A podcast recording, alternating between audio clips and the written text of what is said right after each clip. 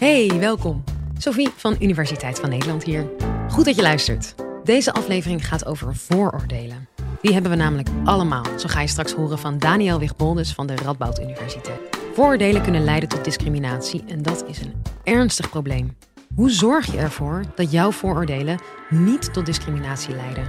Spit je oren, beste luisteraar, want dat is nog niet zo makkelijk.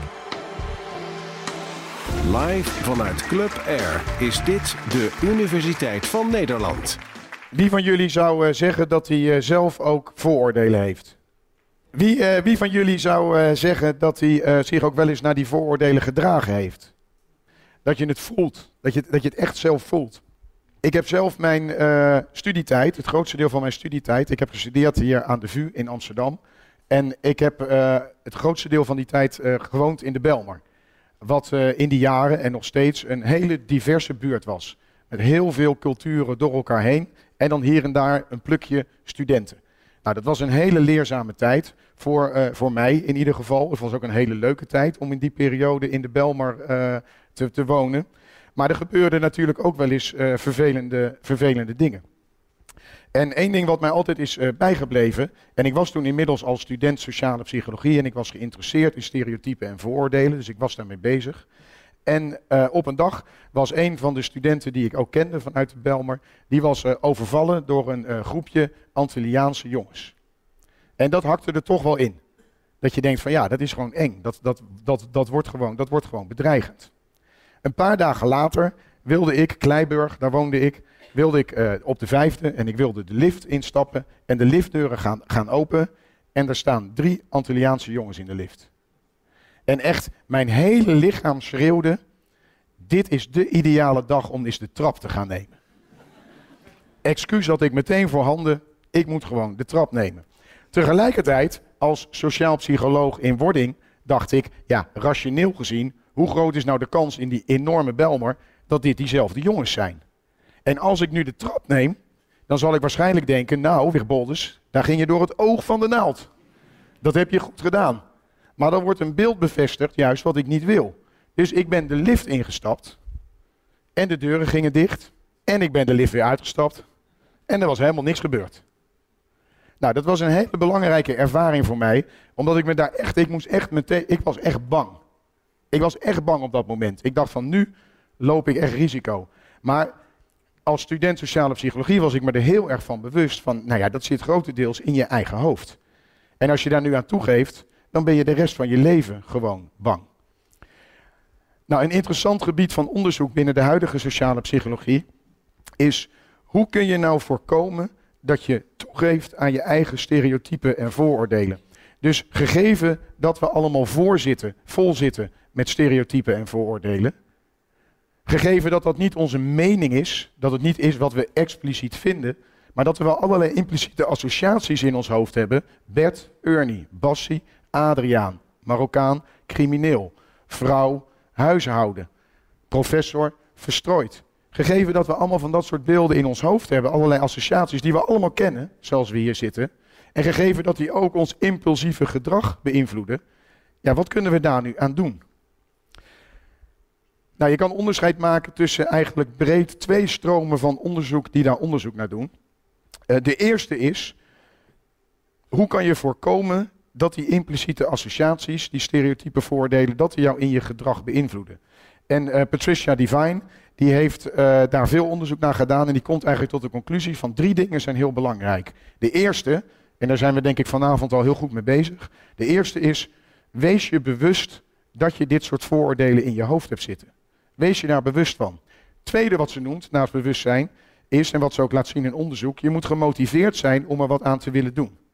Als het je niks kan schelen, ja, dan gaan mensen gewoon door en laten ze zich er volledig door beïnvloeden. Dat is logisch, zouden sommigen zeggen. Drie, de derde is naast bewustzijn en uh, na gemotiveerd zijn, moet je ook de mogelijkheid hebben om er wat aan te kunnen doen. En dat is een hele belangrijke.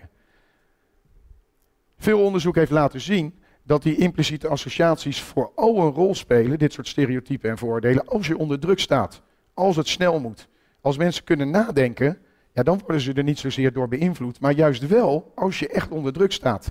En we komen heel vaak in situaties zelf waarin we helemaal niet de kans hebben om heel erg ergens bij stil te staan. We staan onder druk. We moeten snel tot een oordeel komen. We moeten in een split second als politieagent beslissen of we schieten of dat we niet schieten. Juist dan, als je de mogelijkheid niet hebt, is er een groot gevaar dat je dus ten prooi valt aan je eerste associatieve reactie. Wat een interessante groep ook is, wat dit betreft, en daar is ook veel onderzoek naar gedaan, is zijn experts. Als jij langdurige kennis hebt opgebouwd, als arts, als politieagent, als rechter, als expert, dan heb je veel kennis opgebouwd. En die kennis kan er op een gegeven moment toe leiden dat jij gewoon meer intuïtief tot bepaalde beslissingen komt. En die intuïtie, dat zullen veel psychologen ook vertellen, dat kan heel goed zijn. Die intuïtie die is opgebouwd over de jaren heen. Maar die intuïtie kan ook gebaseerd zijn deels op impliciete associaties die gewoon niet kloppen. En dat is wel heel gevaarlijk. Als jij met iemand in een sollicitatiegesprek zit en jij voelt gewoon als expert, als ervaren PO-manager, voel je aan, nee, dit is hem niet. Ga dan heel goed bij jezelf te raden, waarom niet? Waarom is het deze persoon niet? Waarop is die gut feeling gebaseerd? Is dat, is dat daadwerkelijk omdat er iets niet in de haak is? Of is dat, komt dat door een bepaalde categorie waar iemand uh, deel van uitmaakt? Volgend punt, wat heel goed lijkt te werken in onderzoek, waar ook mooi onderzoek naar is gedaan, is neem eens het perspectief van de ander. Dat lijkt heel simpel, maar verplaats je eens in de schoenen van die ander, met wie je interacteert, die tegenover je zit. Het blijkt dat als, als proefpersonen de opdracht krijgen zich even in de ander te verdiepen, dat ze vervolgens veel minder snel ten prooi vallen aan allerlei stereotypen en vooroordelen. Nou, ik zie u kijken, ja, Bolders, dat klinkt allemaal heel voor de hand liggend en mooi en dat gaan we nu allemaal doen. Maar dat is makkelijker gezegd dan gedaan. Want dat bewustzijn ook, de invloed die dit soort processen op ons heeft, kunnen we ons soms heel moeilijk bewust van zijn. En ik heb daar een heel mooi voorbeeld van. Irene Blair, die deed onderzoek in Amerika naar rechters. En rechters in Amerika, die hebben al een tijdje de opdracht, echt expliciete opdracht, dat ze niet mogen discrimineren. Dus het is een hele tijd lang zo geweest, dat kon je gewoon narekenen, dat zwarte Amerikanen voor eenzelfde vergrijp zwaardere straffen kregen dan blanke Amerikanen. Niet goed. Dus rechters kregen ook de opdracht, dat moet je niet doen. Die gingen daar dus bewust mee aan de slag. Bewustzijn, gingen daar bewust mee aan de slag. Dat leidde ertoe dat uiteindelijk, en dat kan je ook gewoon narekenen, op dit moment in de meeste staten in Amerika zwarte Amerikanen voor hetzelfde vergrijp dezelfde straf krijgen als blanke Amerikanen, als witte Amerikanen. Hartstikke goed. Wat heeft Irene Blair laten zien, en daar komt het addertje onder het gras, in, in Florida, in de staat Florida, uh, wordt uh, in uh, databases die beschikbaar zijn, worden alle hoofden van veroordeelden, alle foto's van de gezichten, die zijn daar vrij toegankelijk. En daar staat de strafmaat dan ook bij. Nou, zij heeft allerlei foto's van veroordeelden heeft ze, uitgekozen. En toen heeft ze proefpersonen heeft ze gevraagd, wat is de mate van afrocentrische kenmerken in de gezichten van deze mensen? En afrocentrische kenmerken, dat gaat er niet om of iemand wit of zwart is, maar bijvoorbeeld hoe dik zijn de lippen, hoe breed is de neus. Binnen de categorie zwarte Amerikanen kan de mate van afrocentrische kenmerken kan verschillen. U kunt zich daar wel een voorstelling van maken.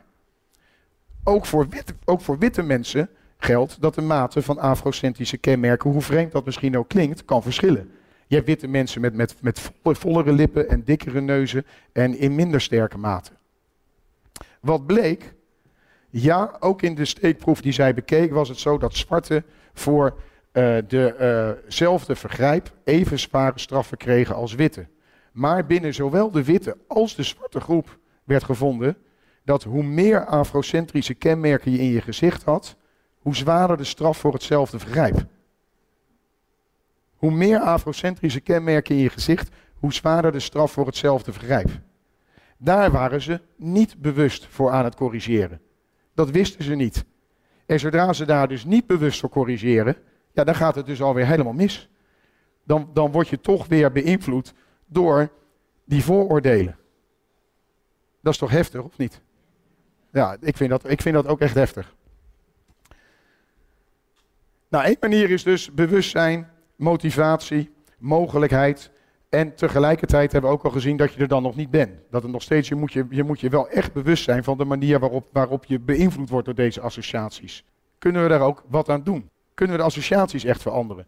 Nou, dat valt nog niet mee. Ons systeem, ons brein, is eigenlijk heel conservatief. En een mooi voorbeeld daarvan is bijvoorbeeld een fenomeen wat we noemen subcategorisatie.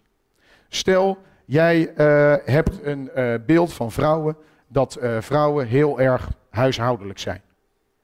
En nou word je opeens geconfronteerd met een vrouw die keihard werkt. Dan zou logisch zijn dat je zou zeggen, nou de link tussen vrouwen en huishouden zou in mijn hoofd iets minder sterk moeten worden, toch? Want deze vrouw voldoet niet aan dat beeld. Wat doen mensen? Ja, maar dat is ook niet een typische vrouw.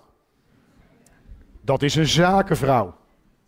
Ja, dat is een hele aardige Marokkaan, maar dat is de buurman.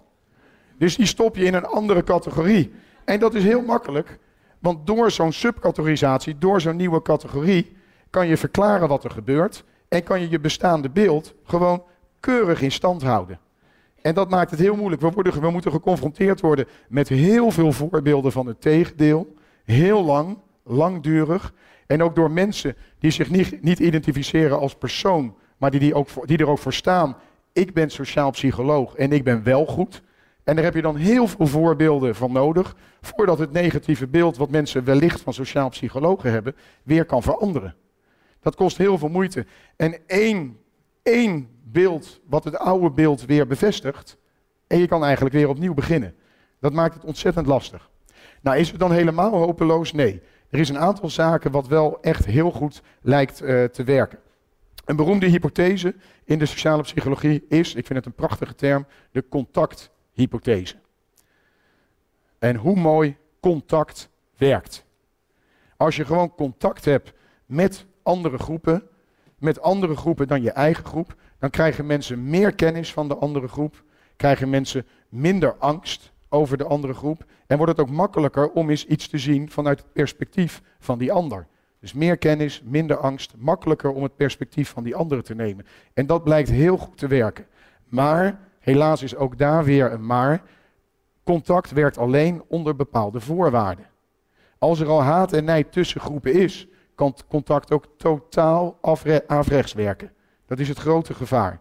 Er is heel beroemd onderzoek uh, in de sociale psychologie van uh, Sherif, een van de beroemdste sociaal psychologen. Die ging met een uh, groep jongens van 11 en 12 jaar ging die op kamp. En die jongens die werden aan het begin van het kamp, van de, de kampweken, werden ze in twee groepen verdeeld. De Eagles en de Redlers. En die groepen werden meteen gescheiden van elkaar. Dat was fase 1. Dus twee aparte groepen. En die deden met elkaar leuke dingetjes en spelletjes en die leerden elkaar kennen enzovoort. In de tweede fase werden de groepen opeens bij elkaar gebracht en moesten ze tegen elkaar dingen doen. Wedstrijden tegen elkaar. Nou, dat liep binnen de kortste keren enorm uit de hand. Liep zo uit de hand dat ze, elke groep had zijn eigen vlag gemaakt.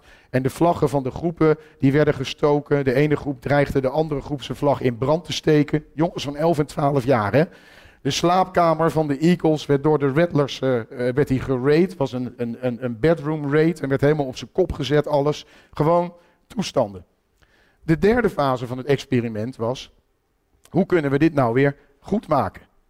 En daar bleek eerst achter ze alleen contact. Dus laten we die jongens nou, dan gaan we gezellig met z'n allen een film kijken. Dat eindigde in een zogenaamde food fight. Werd helemaal niks. Die groepen stonden zo tegen elkaar, dat werd gewoon ruzie. Wat ze uiteindelijk zijn gaan doen is, er moest een wat ze noemden superordinate goal komen. Er moest iets komen wat die jongens een gezamenlijk doel hadden, wat ze gezamenlijk, gezamenlijk deden om weer tot elkaar te komen.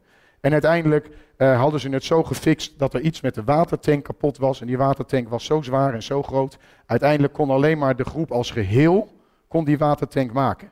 En dat zorgde er uiteindelijk voor dat die groepen weer samenkomen. En dat klinkt heel erg klef, ik weet het.